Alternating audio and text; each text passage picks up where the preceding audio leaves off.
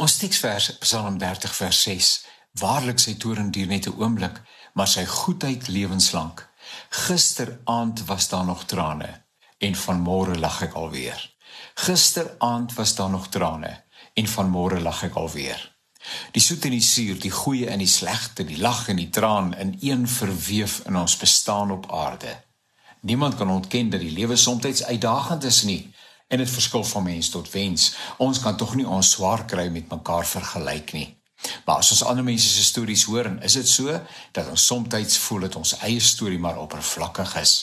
Maar my ervaring maak my seer en swaar nie minder eg of minder seer nie. Die vraag na God se betrokkenheid in ons hartseer en pyn is nogal aktueel. Die wêreld is daarom de mekaar en die aandnuus is meermale 'n ontstellende ervaring. En die spanning tussen dit wat is en dit wat beloof is, ek dink in terme van die woord, dit wat is en dit wat moet wees, dit wat is en dit wat nog nie is nie, is soms onhoudbaar. Sommige vind dit moeiliker om met hierdie spanning saam te leef. Hulle stryd is soms diep emosioneel en selfs pynlik.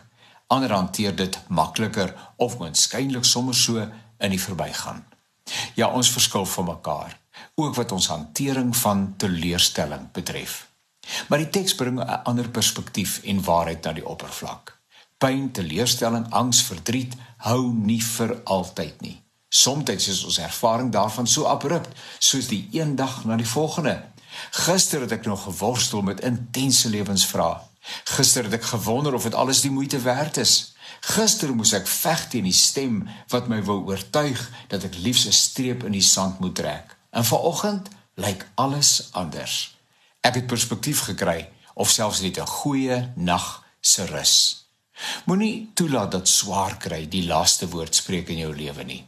Verwag die nuwe môre wat telkens kragtens die belofte van God aanbreek en deurbreek.